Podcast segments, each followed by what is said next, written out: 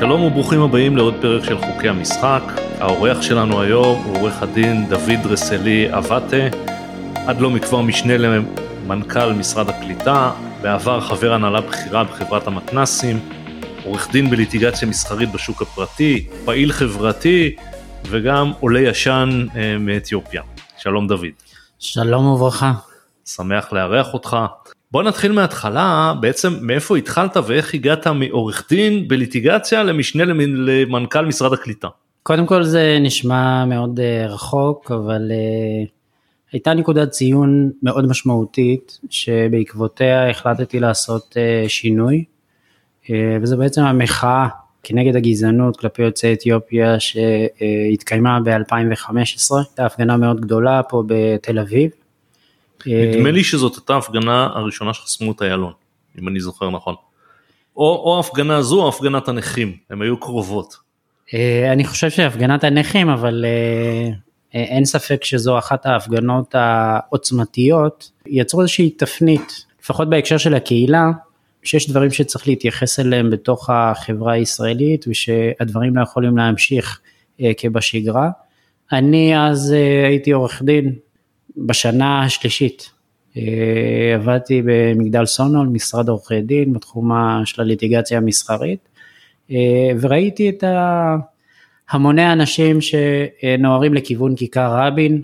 אני יכול להגיד שקצת אה, שבעתי מהפגנות ומחאות שהיו לפני כן, ולכן לא מצאתי טעם מיוחד להצטרף שוב להפגנה נוספת, אבל מצד שני לא יכולתי לשבת ולעבוד על כתב הגנה או כתב תביעה בזמן שיש סוגיה מאוד אה, כואבת ומשמעותית שהקהילה שלי והחברה אה, שלנו כחברה ישראלית מתמודדת איתה, שאני לא אקח חלק ולכן הצטרפתי אה, למחאה עצמה ובתוך המחאה אני חושב שהתחדדו אצלי שתי תובנות מרכזיות, האחת שהחברה הישראלית לא באמת נמצאת שם במאבק הזה וזה בעצם נשאר כמאבק של של חברי בני העדה בלבד. אה, כן, לצערי הרב, למרות שזה אה, זעקה של חולי שקיים בתוך החברה הישראלית, אה, שאחראים לו או חלק ממנו רבדים רבים בתוך החברה הישראלית, בין הממסדית ובין אם זה אנשים פרטיים בתוך החברה הישראלית.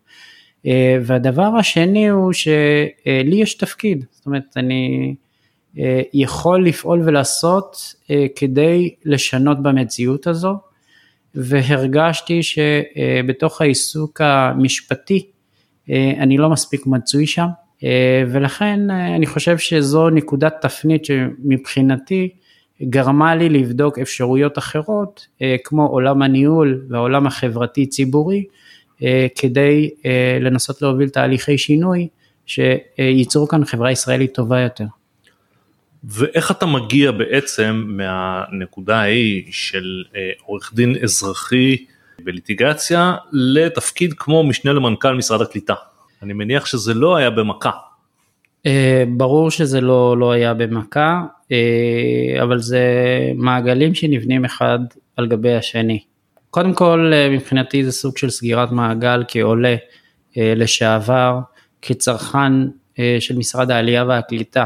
שקיבל ממנו שירותים, לחזור לשם ולדעת לתת שירות לאותם עולים של ימינו, אז מבחינתי זה די מקום טבעי לחזור אליו ולבצע את התפקיד הזה.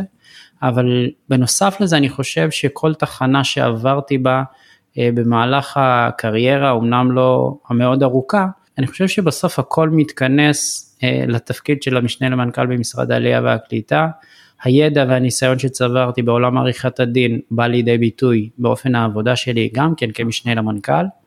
אה, בדברים המאוד אה, פשוטים עד הדברים היותר אה, אני אגיד מקצועיים, לדוגמה היכולת להבחין בין עיקר לטפל, היכולת לדעת להתנסח בצורה שהיא ברורה, נהירה, להיות ממוקד, לדעת לשכנע בטיעונים שלך, את האנשים שנמצאים סביבך עד נושאים שקשורים למיצוי זכויות, דברים יותר משפטיים, שאתה יודע שהעולים צריכים את זה והדבר נחוץ להם ויש לך את הכלים לקדם את הדברים האלה בפוזיציה הניהולית אה, שבה היית.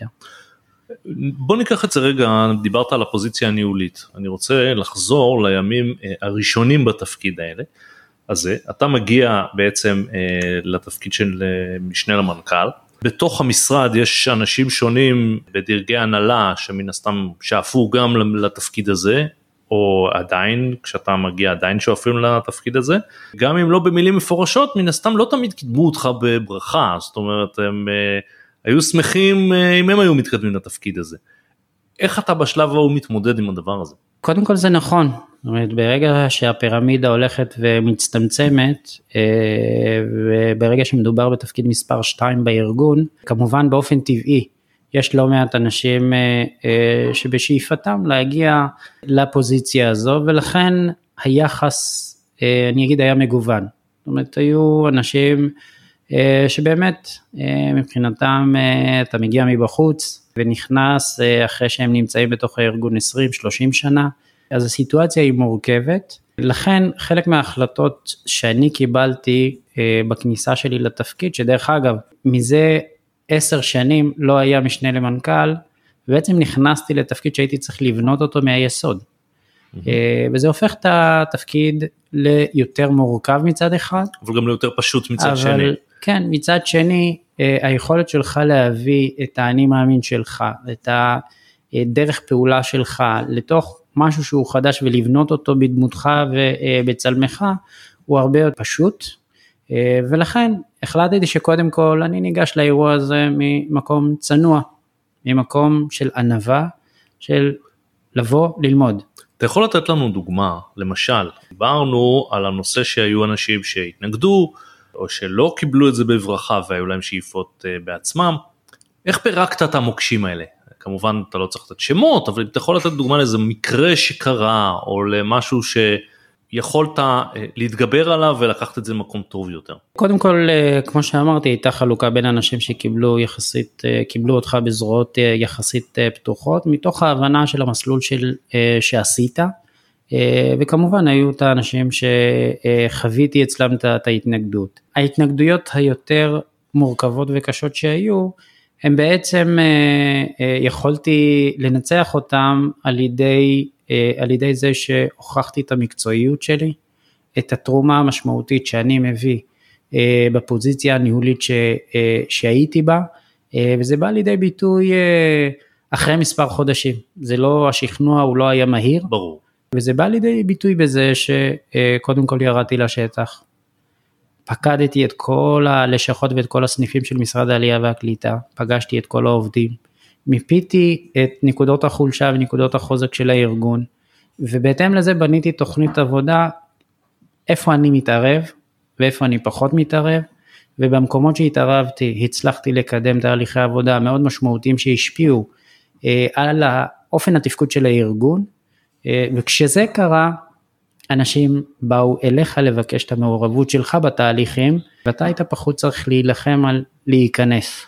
אז בוא נתחיל באמת, אה, אתה מגיע בתוך תקופה מאוד קצרה, כמו כולנו אתה מוצא את עצמך בקורונה, שזה אירוע עולמי שאף אחד מאיתנו לא התכונן אליו ולא הבין מראש מה זה אומר.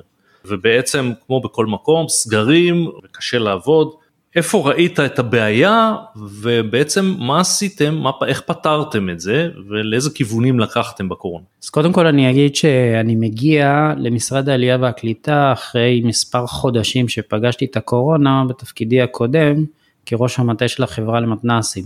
שזה חברה ממשלתית אה, שפרוסה בכל הארץ, שירותים אה, בקהילות ברמה המקומית, אז את האתגר כבר התחלתי לפגוש שם, ובתוך משרד העלייה והקליטה אה, בעצם אנחנו מתמודדים עם מגוון אירועים שהמשרד עוסק בעצם בחיי העולה משלב ההתעניינות שלו, עוד בחו"ל, עד שהוא עובר תהליך קליטה במהלך העשר שנים. יש לנו לשכות שנותנות שירות, וזה שירות שניתן בפנים אה, מול פנים.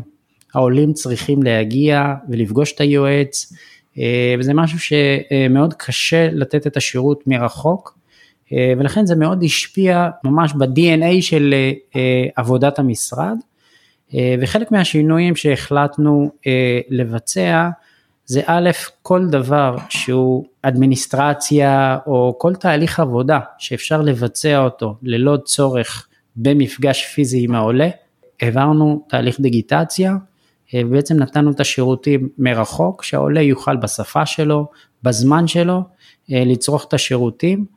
במקומות שהעולה חייב לפגוש את עובד המשרד, היינו בעצם המשרד היחידי שהמשיך לתת שירות בזמן שהיה סגר או רוב משרדי הממשלה היו סגורים ואפילו, אני אומר, השרה פנינה תמנו שטה נלחמה כדי שעולים בכל זמן נתון שעולה רוצה לעלות לארץ יוכל לעלות גם שהשמיים סגורים היחידים שיכלו להמשיך לעלות זה עולים חדשים. איך, איך זה בוצע? הרי לא היו טיסות. אז היו אה, בחלק מהמקרים טיסות מאורגנות בשיתוף פעולה עם הסוכנות היהודית שבעצם אמונה על כל העבודה בחוץ לארץ. הם בעצם חכרו אה, טיסות של ישראל או אה, אל על או של חברות זרות כדי להביא עולים שהחליטו לעלות לארץ ובחלק מהמקומות גם כן לא, לא כל הטיסות מכל המדינות היו סגורות. במקומות שהמדינות כן היו,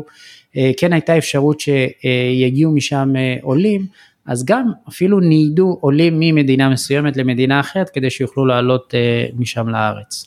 אותם עולים שהיו טיפה יותר ותיקים וכבר היו בארץ, איך הם קיבלו את השירות שהם מן הסתם עדיין נזקקו לשירות? אז שוב, העולים הקצת יותר ותיקים, גם בגלל שחלקם כבר ידעו לתקשר, מכירים את המערכות הארגוניות של משרדי הממשלה, השתדלנו לתת את השירותים להם אה, מרחוק, אבל בסוף כל עולה, לא משנה אם הוא עולה חדש טרי או תשע שנים בארץ, יכל לבוא ולקבל את השירות אה, בסניפים.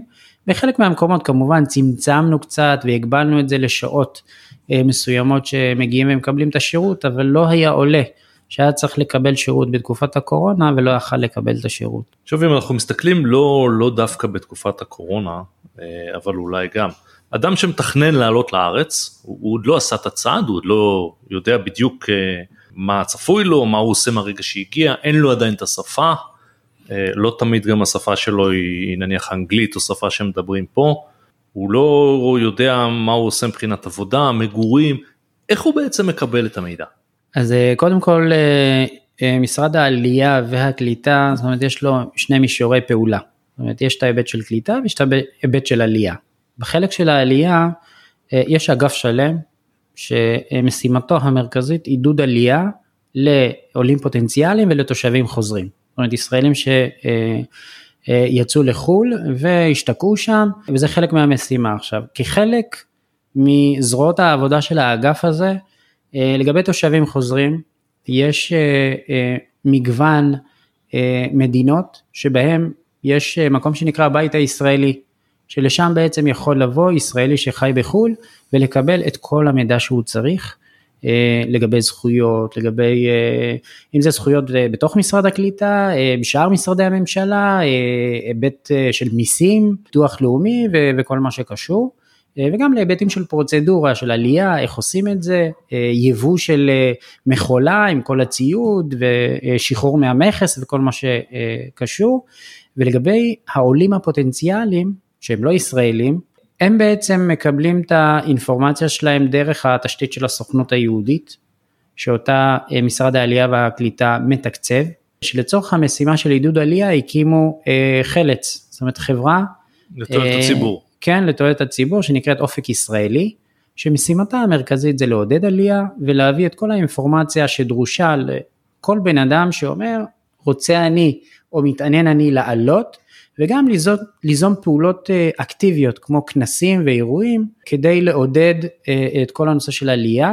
ברמה האישית אה, כמשנה למנכ"ל הובלתי מספר פרויקטים שקשורים לעולם הזה של הנגשת המידע. שוב, אם אני מתחבר לעולם המשפטי שדיברנו עליו, וככל שאני האמנתי, וככל שהמידע הרלוונטי נגיש לאנשים, היכולת שלהם לקבל החלטות מושכלות, האם לעלות, איפה, מתי, תהיה הרבה יותר פשוטה. ולכן אה, בדחיפה של השרה פנינה, בזמנו, קידמנו אתר שנקרא המקום שלכם בישראל. שזה אה, בשיתוף פעולה עם הרשויות אה, במדינת ישראל וארגונים שעוסקים בעולמות של עלייה וקליטה, ובעצם באתר הזה שמונגש בשש שפות, שזה השפות המרכזיות שהבחנו ככאלה שרלוונטיות, נמצא שם כל המידע שעשוי להיות רלוונטי לבן אדם שמתעניין בעלייה, ולבן אדם שנמצא בשנים הראשונות שלו כאן בישראל לאחר שהוא עלה. המידע נגיש בהרבה אפיקים, ואולי דבר אחרון זה שברגע שבן אדם החליט שהוא מתעניין בעלייה והוא נרשם כמתעניין, יש לו גם יכולת לדבר, דמות שנקראת פרויקטור, הם פזורים בכל הרשויות, שבעצם הוא יכול לקבל את כל האינפורמציה שהוא רוצה דרך אותו פרויקטור, הוא יכול להתקשר אליו, לקבל את כל המידע, נגיד מתעניין לעלות לתל אביב, אז יש מספר פרויקטורים במספר שפות בתל אביב שיכולים לדבר איתם ולקבל את כל המידע. והאם אה, אה, קרה או שמקובל שכזה עולה פוטנציאלי מבקש לדבר עם עולים ישנים מאותו מקום אה, ולשמוע מהם דרך משרד הקליטה או שלא נתקלת? זאת אומרת דרך משרד הקליטה ישירות לחבר לעולה ותיק אה, לא פגשתי, דרך הארגונים, ארגונים שמעודדים עלייה אה, ופועלים ומתוקצבים בחלקם על ידי משרד העלייה והקליטה כדי לבצע את המשימה הזו, זה כן קיים. אבל אני יכול להגיד שנגיד אחד מהפרויקטים שקידמתי ולא אה, סיימתי אותו כי פשוט סיימתי את התפקיד, זה בעצם אפליקציה שעושה חיבור בין עולה ותיק לעולה חדש. זאת אומרת עולה חדש שמתעניין לעלות נכנס לאפליקציה וזה בעצם כמו אה, טינדר או כמו כל אפליקציה אחרת, זה עושה, עולים. כן זה עושה שידוך אה, לפי מאפיינים ש, אה, שמוגדרים וככה בעצם עולה שמתעניין יכול לשאול את כל השאלות. יוזמה פרטית או יוזמה במסגרת המשרד? במסגרת המשרד זה אה, משהו שקידמתי. כמי שבא ממשרד הקליטה ומכיר את התחום הזה ובעצמו היה בעבר עולה חדש, ואתה גם, אה, אני אומר כי מאזינים לא רואים, אבל אתה אדם דתי, חובש כיפה. איך הייתה ההסתכלות שלך על הממסד הדתי בארץ, כאשר אתה יודע שמול אה, אה, העולים שמגיעים, הם באים מזרמים שונים ביהדות, אה, ולפעמים זה עלול ליצור חיכוך. איך אתה מתייחס לנושא הזה? טוב, לנושא הזה קודם כל אני מתייחס לזה בשני היבטים. ההיבט הראשון זה שאני מגיע מקהילה שחוותה על בשרה קונפליקט או את האתגר ההלכתי דתי, לדוגמה כל מי שעלה במבצע משה, שזה בשנות ה-80, עברו ללא ידיעתם תהליך אה, של גיור לחומרה, אה, הקזת דם. זה אפשרי ללא ידיעתם? כן. אה, הם לא הבינו מה עושים איתם. הם לא הבינו מה עושים, פשוט נכנסו והעבירו אותם שרשרת של אה, גיור לחומרה וזה המשפחה שלי, זאת אומרת זה הדודים, זה סבא וסבתא ו, אה, וכל מי שעלה אה, דרך, דרך סודאן. הקונפליקט הזה, הצלקת הזו קיימת, קיימת. בתוך הקהילה ואומנם אני עליתי ב-91 שזה מבצע שלמה וכבר זה לא קרה בעלייה שלנו אבל זה צלקת שנמצאת בתוך הקהילה ונמצאת אה, איפשהו בפינה של, של הראש. ואם אני מתייחס למציאות של היום בפוזיציה שלי כמשנה למנכ"ל במשרד העלייה והקליטה, אני חושב שאחד מהאתגרים המרכזיים שסימנו אה, בשנים האחרונות, ההבנה שחייבים לפתור את האתגר הזה, לתת שירות נכון וטוב יותר לעולים שמגיעים לישראל, והם לצורך העניין לא יהודים על פי ההלכה. אבל הם כן זכאי חוק שבות. הם מגיעים לפה מתוקף הזכאות שלהם, ולמעשה מצטרפים אה, חזרה לתוך העם היהודי, אבל הם מסתובבים עם סימן שאלה על הגב אה, לגבי השייכות שלהם, והם פוגשים את האתגר הזה בהמשך, אה, אם זה בחתונה, ואם זה לא עלינו, שאנשים נפטרים, ושם פוגשים את האתגר. שדרך אגב אני אגיד, לגבי יוצאי אתיופיה האתגר הזה כיום לא קיים. כי כל מי שעולה מאתיופיה עובר גיור מלא. היום מי שעולה מאתיופיה עובר גיור מלא? כן. כן. וזה משהו שהוא בהסכמת העדה או לא? זאת אה, לא ידעתי את זה. שוב, אה, רוב העולים כיום מאתיופיה זה מתוקף החלטת ממשלה, אולי צריך לדייק יותר, מי שעולה מתוקף חוק השבות, הוא לא עובר תהליך גיור, אבל מי שעולה ממסגרת החלטת ממשלה של איחוד משפחות וכל מה שקשור לזה חייב לעבור כתנאי אה, גיור על מנת לקבל את האזרחות שלו. זה, אה, אלה אנשים שרואים בעצמם יהודים או שחלקם אומרים אני לא יהודי זה פשוט איחוד משפחות. הם רואים בעצמם, רואים בעצמם יהודים. רואים בעצמם יהודים לגמרי, והמשפחות שלהם היהודיות נמצאות כאן, אבל שוב, זה החלטת ממשלה שהתקבלה, וזה התנאי בעצם לעלייה שלהם, אבל האוכלוסייה הגדולה, אה, בעצם אם אני לוקח לדוגמה את חבר העמים לשעבר, לא מעט עולים מתוקף חוק השבות, אה, ובעצם אין שירות כיום, לא במשרד העלייה והקליטה ולא במשרד אחר, שנותן מענה לפער הזה שנוצר כאנשים שעולים לכאן, שהם לא יהודים לפי ההלכה, אה, אבל עדיין נוצרים משברים במהלך הדרך, שהם לא מטופלים בהתחלה ולכן הבעיה אה, נשארת כבעיה והפתרון מצוי בעצם באגף הגיור, בבית הדין הרבני ובשיתוף פעולה עם משרדי הממשלה הנוספים אה, הרלוונטיים. וזה דבר שבתקופתך במשרד אתה ראית אותו הולך לכיוון פתרון או לא? ממש לא. כי יש אה, ממסד דתי בצד השני שלא משחרר. זאת שאלה כמובן, זה לא אמירה. אני יכול להגיד שהתקופה הזו של גם הקורונה, גם המלחמה שמתרחשת בין רוסיה לאוקראינה, כן פתחה הזדמנות להתחיל לבחון את הנושא הזה בצורה יותר עניינית. כמו שהבנתי את זה בתפקיד שלי כמשנה למנכ"ל, הבנתי שיש לחצים שהם לא בהכרח שיקולים מקצועיים גריידא, שמשפיעים על הנושא הזה. לצורך העניין היכולת של אגף הגיור או בית הדין הרבני להיכנס לתהליך עבודה וחשיבה, הוא השתנה בהתאם למי אה, היה במשרד רוה"מ או מי היה במשרד ברור, הדתות. ברור, זה היבטים פוליטיים. אה, ולכן יש לזה היבטים אה, פוליטיים, אבל תחילת עבודה, איך לעשות את זה נכון, כבר קיימת. אני רוצה לשאול אותך ממבט יותר רחב, כי באמת לך יש מבט של מישהו ש... בא במקור מבחוץ ובמסגרת העבודה שלך גם ראה הרבה דברים חברתיים וגם ראה במשרד הקליטה אה, אנשים שמגיעים ממקומות אחרים מהמקום שאתה הגעת אליו. אה, זה לא סוד שהמדינה שלנו היום מקוטבת בין כמה שבטים. איך אתה רואה את המצב הזה ואיך אתה חושב שצריך או אפשרי לפתור אותו או להקל עליו? קודם כל זה ברור שאנחנו נמצאים אה, אה, בסיטואציה אה, מורכבת בתוך החברה הישראלית שהקיטוב והשבטיות כמו שמגדירים את זה הולכת ו, וגדלה.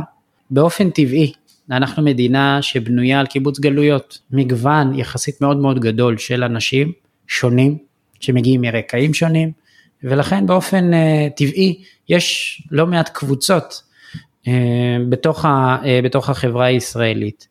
אבל אני חושב שבסוף, אם כחברה, כמדינה, לא ניצמד לערכים מרכזיים שמחברים את רובנו אה, כחברה ישראלית, אז זה יוביל אותנו להתפרקות. כי בסוף אם כל אחד ימשוך לכיוון האינטרס הקבוצתי או הקהילתי שממנו הוא מגיע, או אפילו האינטרס הפוליטי אה, שממנו אה, הוא מגיע ופועל, אז זה משהו שיפרק את החברה הישראלית, אה, ואני חושב שדווקא המשך חיזוק העלייה, ו, ואני אומר בכוונה עלייה ועולים, כי נקודת המוצא של העולה בתוך החברה הישראלית לגבי המשך קיומה של מדינת ישראל, של החברה הישראלית, אני מרגיש שהיא טיפה שונה אה, אה, מאזרח ישראלי שנולד לתוך היש.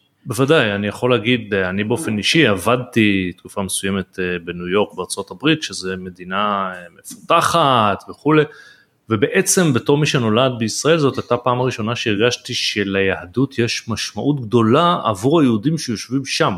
זה לא דבר טריוויאלי ועצם קיומה של מדינת ישראל הוא לא טריוויאלי ואם לנו פה מסביב אה, במרכאות כולם יהודים, שם זה לא המצב אה, ושם להיות יהודי זה, זה תמיד איזשהו אישו, זה, זה לא משהו אה, מובן מאליו, אז אני יכול להבין על מה אתה מדבר.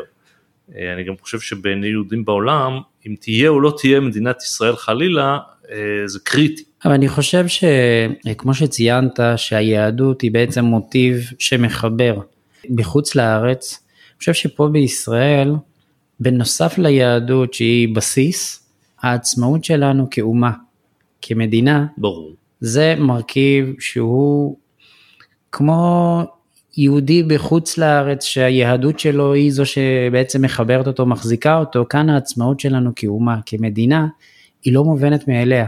נכון. ואתה כמי ש... אני אומר, אני כמי שחי בגולה עם חוסר עצמאות, עם אה, חוסר יכולת לחיות את החיים שלך כמו שאתה מאמין, זה לא מובן מאליו. עכשיו אתה בדרך שלך התמודדת בעצם אה, עם הרבה מצבים שאנשים שלא חוו את הדברים האלה לא, לא היו צריכים להתמודד ולפתור, מהעלייה כילד ועד הדרך אל אה, משנה למנכ"ל משרד הקליטה, אני מניח חווית גם באופן אישי בכל השלבים גם אה, גילויי גזענות. איך זה בא לידי ביטוי בייחוד ב... שכבר הגעת לשלבים הגבוהים יותר בקריירה שבהם אולי הדברים האלה מרומזים יותר למרות שהם עדיין קיימים ואיך התמודד, איך, איך התמודדת עם זה, איך מתמודדים עם דבר כזה. אז אני אגיד ש... החוויה המרכזית שאני פוגש לאורך כל הדרך בכל הצמתים המשמעותיים היא אה, העניין של המוצא. לטוב ולרע, לכישלון ולהצלחה. אה, בן אדם שאומר לך הצלחת להגיע לאן שהגעת בגלל שאתה יוצא אתיופיה, או בזכות שאתה יוצא אתיופיה, זו אמירה שאורזת בתוכה תפיסת עולם אה, שלמה. נכון. אה, או נכשלת או לא הצלחת בגלל שאתה מגיע מרקע כזה וכזה, זו גם אמירה שמכילה בתוכה אה, תפיסת, אה, תפיסת טוב, עולם. זה, זה יכולה, זאת יכולה להיות גם אמירה שבעיני האומר היא משקפת לדעתו מציאות ולא ערך, לא נורמה, זאת אומרת לא שאתה לא בסדר אלא לא הייתה לך את ההזדמנות שאולי הייתה למי שלא בא מהעדה האתיופית. זה נכון אם זה אם זה נאמר במילים ש... שאמרת. זאת אומרת, לא הייתה לך את ההזדמנות. נכון, אני מסכים. זאת אומרת, אתה מתכוון למצב שמישהו אמר שבגלל שאתה אתיופי זה לא יכול היה להיות כן, אחרת. כן, כן, כמו שאם אני אקח אה, דוגמה אה, שנלחמתי לצאת לקורס קצינים, אז אה, כמובן לא אמרו לי את זה באופן ישיר, אבל אמרו את זה לאנשים סביבי, זה פלאח אתיופי, אין להם ראייה רחבה, זה בזבוז הקצאה להוציא אותם. זה בגזוז... יש, יש הרבה קצינים מבני העדה, לא? אז שוב, אה, בשנים האחרונות יש יותר ויותר, אבל אה, בתקופה ש... שאני הייתי, אני אומר, זה לפני 20, 20 שנה, היינו יחסית מעט, ועוד להגיע כקצין אה, מיחידה מובחרת, יחידת דובדבן, אז זה משמעותי. בחלק מהמקומות, ככל שאתה עולה בסולם הדרגות, או בבחירות שלך, הגזענות באה לידי ביטוי בצורה מעונבת. ברור. היא באה לידי ביטוי אה, בעמדות ודעות אה, כלפיך שחושבים בשבילך, מחליטים בשבילך, ופחות אה, בצורה הבוטה של, ה, של הרחוב. אבל זה גזענות לכל דבר מבחינתי. מפתחים איזשהו שריון נגד זה או לא? או שזו פגיעה תמידית? אני לא חושב שזה נכון לפתח שריון נגד הדבר הזה, אבל אני כן חושב שצריך אה, אה, שיהיו לך מספיק דרכים להתמודד אה, עם התופעה הזו. בגזענות, שאתה פוגש במקום X עם בן אדם Y, אי אפשר להתמודד עם אותם כלים בכל, כאילו בתופעה הזו שאתה חוטף אותה ממגוון, ממגוון דרכים. לכן אני, אני חושב אתה לא יכול להיות אדיש לזה, אתה לא יכול להיות עם אור של פיל לדבר הזה. אה, ולהמשיך כאילו זה לא קיים, אבל כן צריך לדעת אה, להתמודד, ואני אומר בכנות, אם הייתי עוצר אה, ונלחם נגד כל תופעה גזענית שהייתה באותה הדרך, לא הייתי מצליח להתקדם. ברור, לא היה לך זמן גם. כן. עכשיו, אתה עם הזמן נעשה בעצמך בעל משפחה וילדים, האם אתה נתקל באותה מידת גזענות גם בדור הבא של הילדים?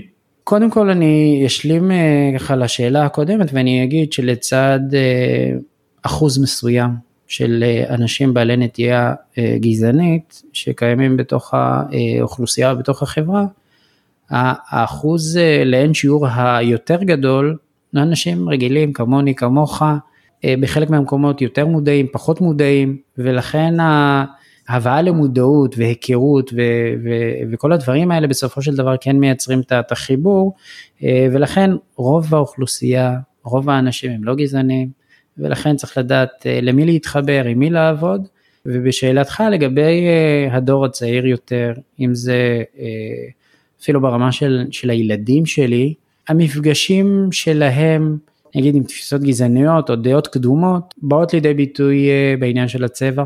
אנחנו uh, גרים uh, לצורך העניין באזור שאין כמעט יוצאי אתיופיה ואני בין האתיופים היחידים ש, שגר שם. ולכן זה מזמין באופן טבעי סקרנות, התעניינות, הבולטות החברתית שלי היא מאוד ברורה.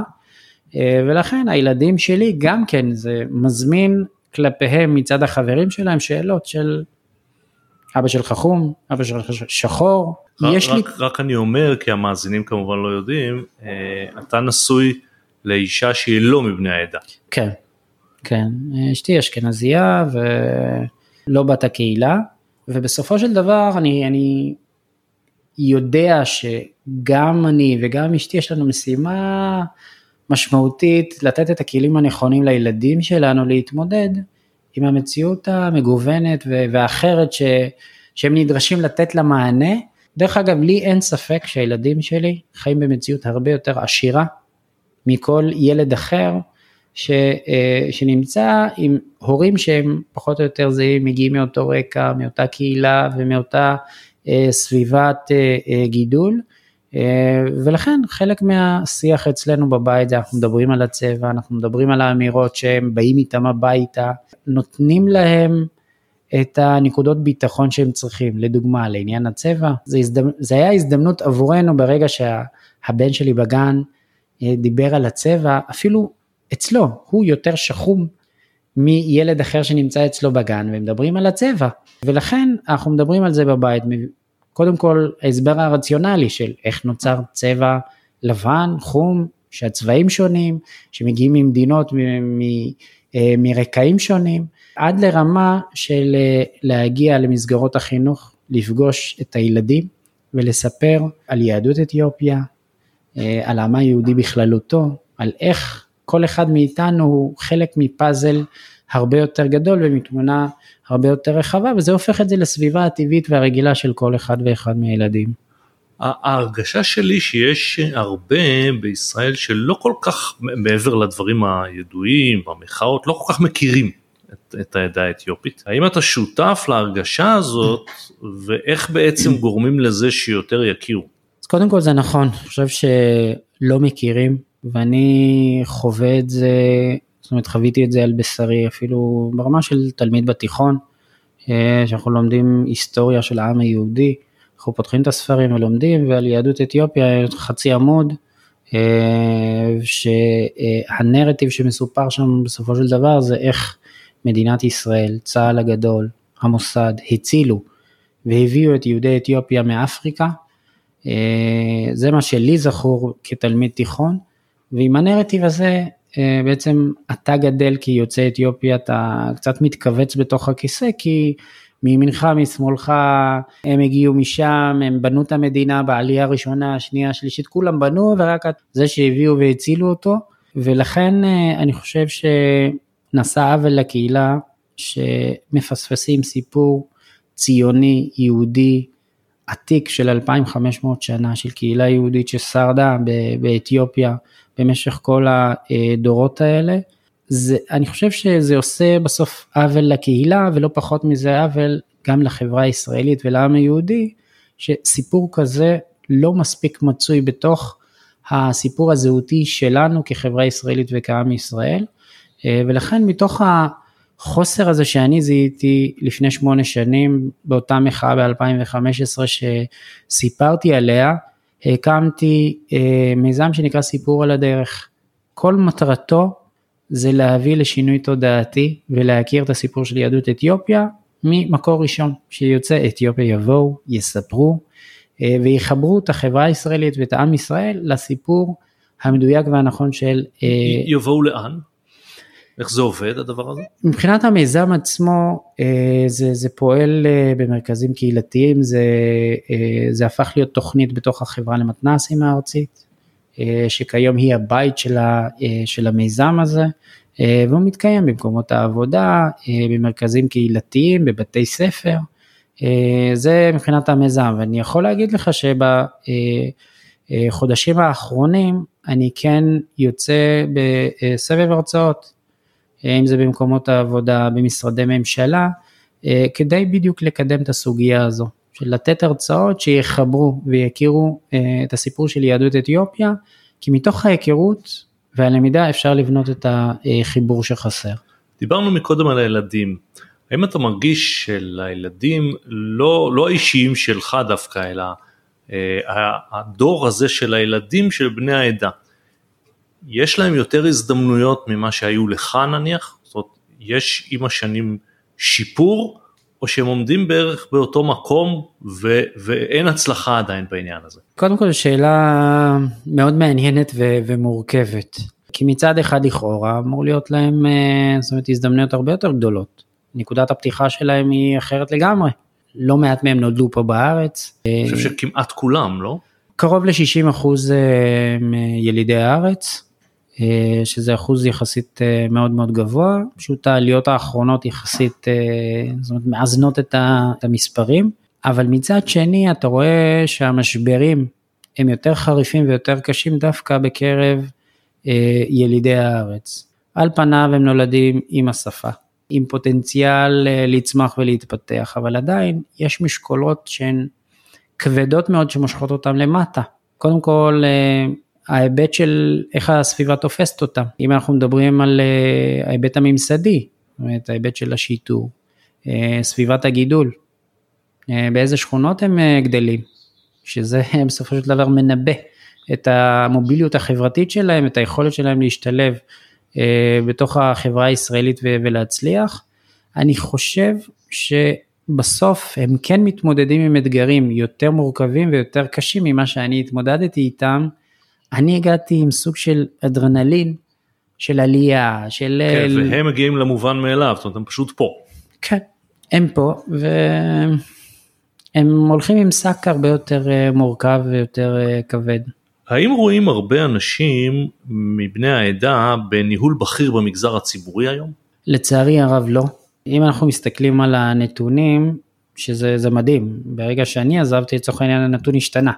וואה. אנחנו בסדרי גודל כאלה שיש אה, כיום שלושה אה, מנהלים אה, בכירים במגזר הציבורי, שלושה יוצאי אתיופיה שזה 0.2 אתה מדבר רק על משרדי ממשלה? אני מדבר על משרדי ממשלה, חברות ממשלתיות כמעט ולא קיים, אולי למעט תעשייה אווירית שיש סמנכ"לית אחת, שזה אני אומר, אחוז יוצאי אתיופיה בקרב החברה הישראלית הוא 2 אחוז. והניהול הבכיר אנחנו עומדים על 0.2, 0.3 אחוז, שזה פער עצום, והמשמעות של זה היא אדירה. היא אדירה כי אני הייתי שם, הייתי בצומת קבלת ההחלטות, ברגע שאתה נמצא אה, בצומת קבלת ההחלטות ואתה יכול להביא נקודת מבט שהיא מגוונת, שהיא אחרת, משאר מקבלי ההחלטות, ההחלטות שמתקבלות הן מדויקות יותר, הן טובות יותר והן נכונות יותר עבור כולם. אז, אז זה פותח פתח לשאלה אחרת שהיא היום אה, מאוד uh, מקובלת בעולם העסקי, הנושא של הגיוון, הדייברסיטי, שהגיע אני חושב שבמקום מארצות הברית, אה, שהיום משתמשים בו כאיזה מין מילת קוד הרבה פעמים אה, סתם כקישוט וכמס שפתיים אבל לפעמים גם בצורה אמיתית. איך אתה רואה את זה בניהול אה, במגזר הציבורי, האם זה באמת יתרון? ואם כן מתי זה נכון מתי זה לא נכון? כדי לא להפוך את זה למשהו שאתה יודע תיקח ותשים אחד מכל עדה אחד מכל ציבור ואולי בסוף זה יהיה על חשבון דברים אחרים. איך אתה רואה את הדבר הזה? כמשהו שהוא יותר תורם או שצריכים לשים אותו בפרופורציה מסוימת? מה הגישה שלך. תראה, קודם כל אני, אני חושב שזה הכל תלוי בתפיסת העולם איך תופסים גיוון. אם תופסים גיוון בלייצר אה, מגוון צבעים ומגוון רקעים ו- וככה אה, אה, נפתור אה, את הבעיה, או ככה נוכל להצמיח את המשרד, או דרך אגב גם בשוק הפרטי. כן, כן, ודאי. נוכל אה, להצמיח את העסק, זו תפיסה שבעיניי היא שגויה. התפיסת גיוון שלי היא להביא סביב השולחן אנשים עם יכולות, אבל מרקעים שונים, כדי שכל אחד יביא מימד אחר, ראייה אחרת, הסתכלות שהיא לא מביאה, לא, היא לא מגיעה על ידי שאר האנשים שנמצאים, אה, כי הם שבויים בראייה של, מסוים. כן, עם אותם משקפיים, ודרך אגב אני גם יישמתי את זה, כי אני אומר בתפקידי כ, כמנהל, כמשנה למנכ"ל, לצורך העניין הקמתי צוות, עבד על כל הנושא של אה, אה פיתוח, אה, על כל הנושא של חדשנות באופן עבודת המשרד, אז היה לי חשוב להביא מגוון אנשים. עכשיו, מגוון אנשים זה אומר מרקעים של מוצא, מרקע מקצועי שונה, גילאים שונים, וגם מין שונה, זאת אומרת, נשים, גברים, וברגע שיש לך מגוון שהוא עשיר כזה, פתאום אתה מקבל ראייה שהיא רב-מימדית גם על בעיה, ואתה גם מקבל פתרון שהוא רב-מימדי, שלא יכולת לקבל אותו אם לא היית מייצר את המגוון הזה. בוא נדבר קצת על העולם הכלכלי הפיננסי. קודם כל, האם יש היום אה, באופן יחסי מעורבות רבה של אה, בני הקהילה בעולם הכלכלי הפיננסי? אין מספיק אה, מעורבות בכלל, זאת אומרת, גם כעובדים בתוך השוק הפרטי בעולמות הפיננסיים, זה לא כל כך קיים, וגם בתוך, דרך אגב, במגזר הציבורי, תלך, תבדוק משרד האוצר, אה, אם זה בשוק ההון, אם זה באגף התקציבים, בחשב הכללי, אין שם כמעט יוצאי אתיופיה. המספרים שנמצאים שם הם בודדים, ויש לזה השלכה אה, בסופו של דבר על היכולת, זאת אומרת אם דיברנו לפני כן על המוביליות, בסוף יכולת הכנסה גבוהה מגיעה מעולמות היותר פיננסיים, טכנולוגיים, ו...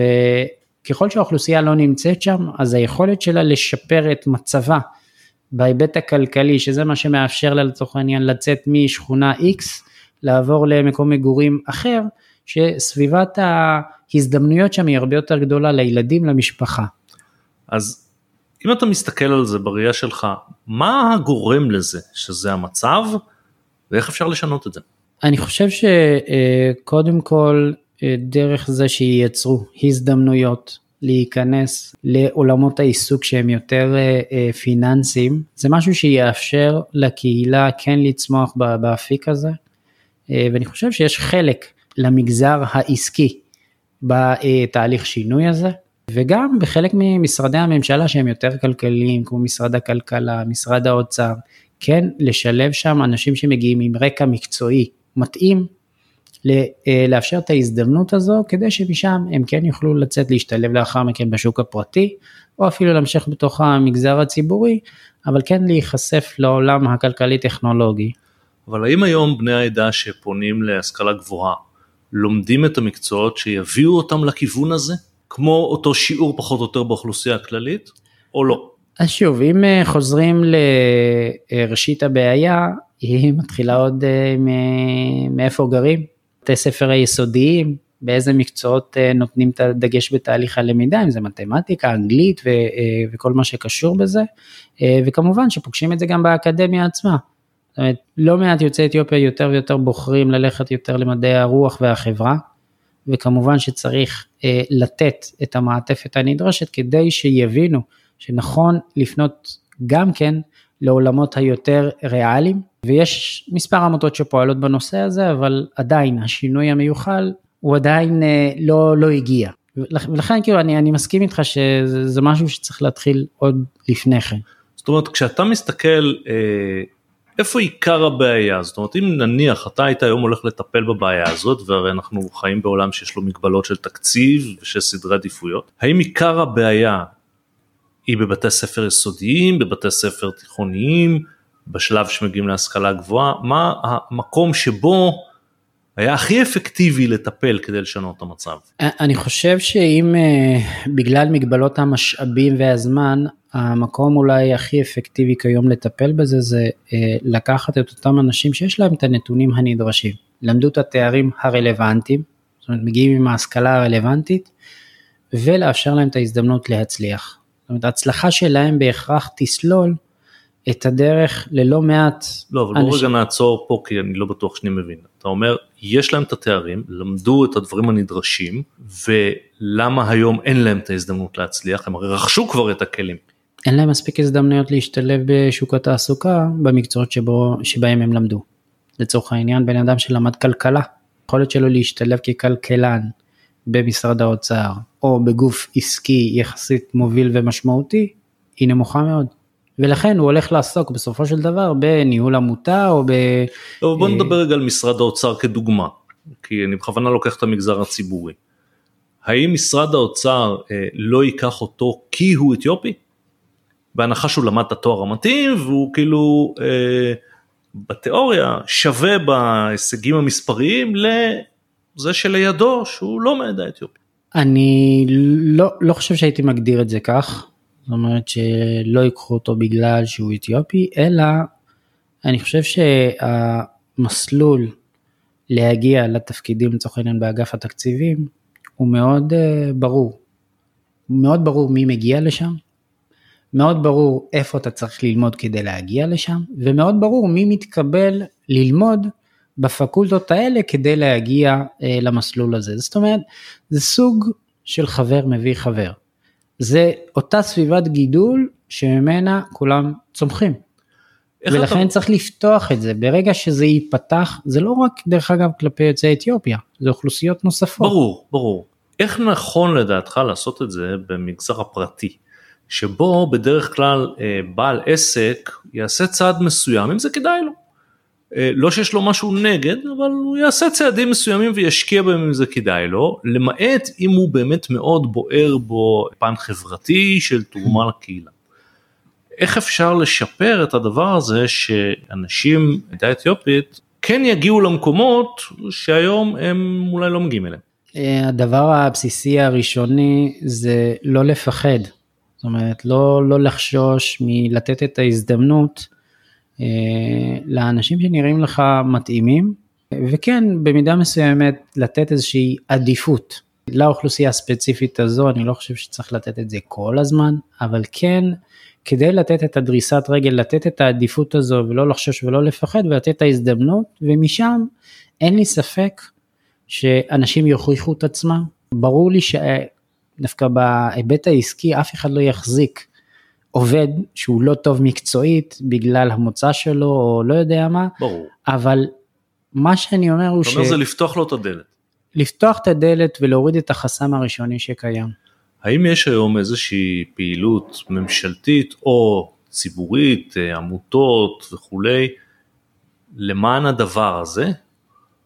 או שזה בעצם כל מקרה לגופו ואין איזה משהו מאורגן? אז יש אה, עמותה שנקראת עולים ביחד, שהיא פועלת אה, להשמה לאקדמאים יוצאי אתיופיה, כל אחד לפי אה, תחומו, היא עושה עבודה נפלאה, אבל שוב זה לא מספיק, זאת אומרת היא לא, לא מגיעה להכל, והיא גם מן הסתם מוגבלת, יש לה מחזורי פעילות של איקס אנשים שהיא, שהיא מלווה, אבל אני חושב שגם מהניסיון האישי שלי בעבודה עם השוק הפרטי, וגם uh, מתוך המפגש שלי עם המגזר הציבורי. בסופו של דבר זה החלטה של מנהל, של בעלים של משרד שאומר, אני נותן הזדמנות, אני פותח את הדלת, אני קצת יוצא מהתפיסה הסטיגמטית לצורך העניין, uh, ומאפשר הזדמנות. עכשיו, צריך לאפשר הזדמנות אמיתית. ברור. אה, יש מקום עבודה בשוק הפרטי שאני פגשתי, ראייה מסוימת הוא תפס אותי כמעין פרויקט שלו. עכשיו זה כשלעצמו זה מאוד מסרס. ברור. כי בסוף אתה בא עם יכולות מקצועיות, אם אתה מעריך אותי מקצועית תיקח, אתה לא מעריך מקצועית אל תיקח. ו- ולכן אני חושב ברגע שיפתחו ההזדמנוץ אז uh, אנשים יוכיחו את עצמם.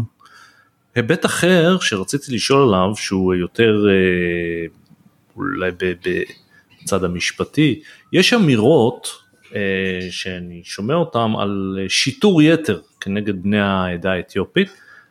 רציתי לשאול אותך, א', האם לדעתך זאת אמירה נכונה, ומהצד השני, האם יש מספיק אה, שוטרים מבני העדה האתיופית? אז קודם כל אני, אני נתלה ב, בדוח מבקר המדינה ובדוח פלמור שפורסם ב-2017, אה, שזה עבודה של אה, ועדה ממשלתית שקבע באופן חד וברור שיש שיטור יתר כלפי יוצאי אתיופיה בישראל. ומתוך המסקנות של הדוח גם הומלצו מספר המלצות שבין היתר זה הקמה היחידה למאבק בגזענות ועוד פעולות נוספות. אז שיטור יתר כלפי יוצאי אתיופיה קיים, הקהילה זעקה את זה במשך 30-40 שנה, וזה קיבל את האסמכתה לזה שעל ידי המדינה, שזה משהו שקיים וצריך להילחם בו. מבחינת היקף שוטרים, יש יותר ויותר אנשים שמתגייסים למשטרה מבני הקהילה, אבל לי זה מרגיש טיפה בים. טיפה בים לעומת מה שצריך להיות, או פשוט זה לא העניין? אני חושב, א', לעומת מה שצריך להיות, אבל דבר שני, בסוף, כדי לשנות תודעת שירות של גוף כל כך חשוב, גוף אכיפתי כמו משטרת ישראל, זה לא, אתה לא תשים שוטר אתיופי בכל פינת רחוב כדי בוא. לשנות את אופן העבודה של, של הגוף הזה ולכן נדרשת עבודה הרבה יותר יסודית ומעמיקה כדי לשנות את אופן העבודה של משטרת ישראל וזה גם מדהים ש, שאתה רואה את אופן ההתמודדות של המשטרה לגבי תלונות כלפי יוצאי אתיופיה, באיזה אופן הם מטפלים בזה, אל מול, שזה שיטור יתר באופן אגרסיבי ביותר, שבחלק מהמקומות מתעלם מזכויות של האזרח, אפילו ברמה שבחלק מהמקומות מגיעים לחיפוש ללא צו חיפוש, אל מול מקרים שהקורבן הוא לא צריך העניין יוצאי אתיופיה, אתה רואה את אופן הטיפול של המשטרה באירוע, באירועים כאלה, אתה אומר, יש פה תפיסה. הקהילה בעצם היא סוג ב' מבחינת האזרחות שלה בתוך החברה הישראלית, ולכן אופן הטיפול בה הוא, הוא אחר לגמרי, ודרך אגב אנחנו חווים את זה עכשיו עם המחאה סביב מותו של רפאל אדנה, ילד בן ארבע שנדרס, ואופן ההתנהלות בחקירה של המקרה היא זועקת לשמיים. אה, האם למיטב ידיעתך יש איזה טיפול בעניין הזה במשטרה עצמה, או שבינתיים זאת רק בעיה, אף אחד לא עושה שום דבר לפתור אותה? מהממשקים ומהמפגשים שהיו לי עם המשטרה, אני יכול להגיד שיש קולות של אה, אה, לנסות לטפל בנושא הזה.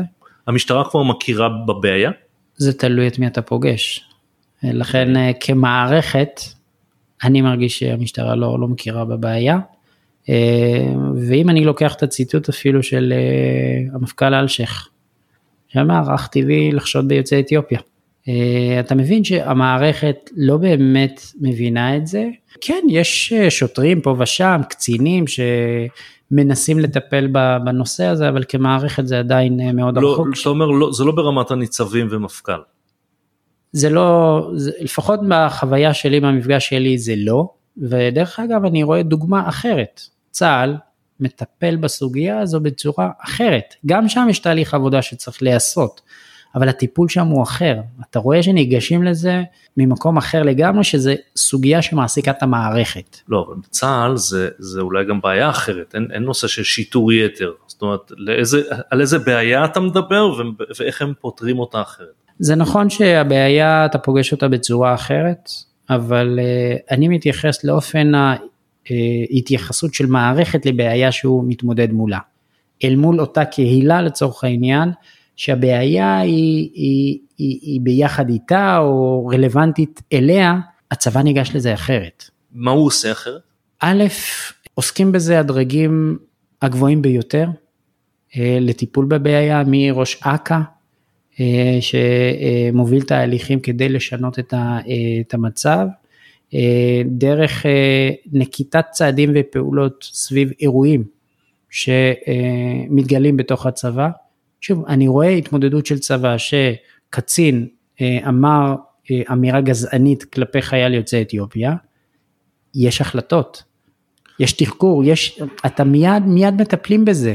זאת, והאם אני מתרגם את הדברים שאתה אומר, ילד מהעדה האתיופית בן 18 שמגיע להתגייס לצבא, האם הוא מרגיש, אני לא יודע אם אמירה של צבא העם, אבל האם הוא מרגיש אה, רצוי ובמקום יותר מאשר במקומות אחרים, בארגונים אחרים בארץ?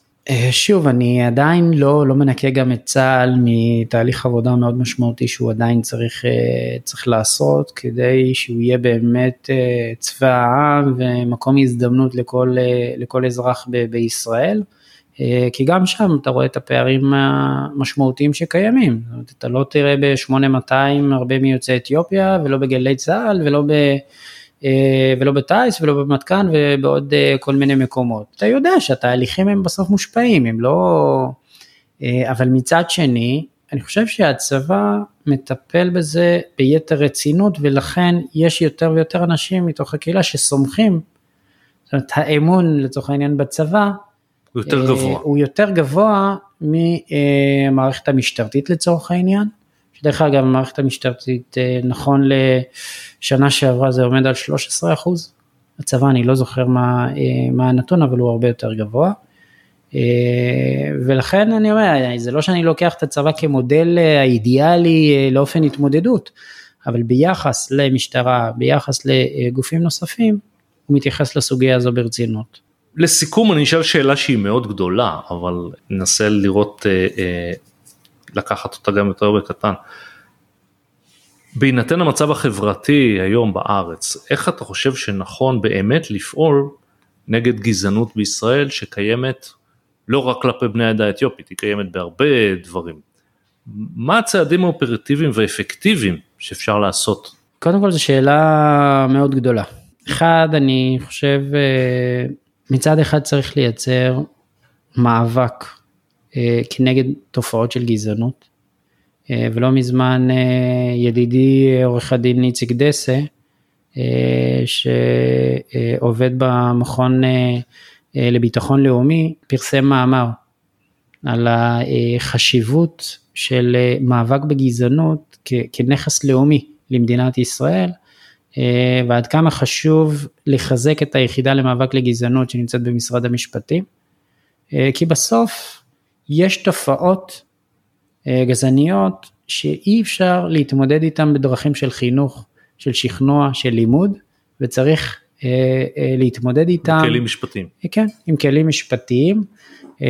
אז זה ככה מישור אחד. המישור השני, אני חושב שמערכת החינוך צריכה לגדל אותנו, לחנך אותנו למקום של גיוון, רב תרבותיות, בסוף ההיסטוריה שלנו והזהות שלנו לא מורכבת רק מסיפור אחד, אלא ממגוון יחסית מאוד רחב שנותן מקום לעוד ועוד אה, אוכלוסיות. אין לי ספק שזה יגדל אותנו למקום שהוא הרבה יותר מכיל, הרבה יותר מגוון. ובמישור היותר בוגר, אני חושב שבעולמות התעסוקה, כמו שדיברנו עליהם, מקומות עבודה, אנחנו צריכים להרכיב משקפיים יותר יותר מגוונות, יותר צבעוניות, ולא בהכרח כל הזמן לחפש את המוכר לי ואת ה... אה, סביבה שלי, לא כי אני חושב שזה יעזור למישהו אחר רק, אלא זה יצמיח ויבנה את המסגרות שלנו. וזה אני חושב שחלק מהדרכים שאפשר אה, ככה להתמודד עם הנושא של אה, תופעת הגזענות, כי היא תהיה איתנו כל הזמן, אנחנו אוכלוסייה מאוד מגוונת ואנחנו נמשיך להיות עוד יותר מגוונת. דוד, אני מודה לך שבאת להתארח, שמחתי לארח אותך. שמחתי להתארח. תודה, עד כאן uh, עוד פרק של חוקי המשחק, אותי כמובן תוכלו למצוא גם בלינקדאין, בפייסבוק וכמובן uh, בגולדפארם. תודה.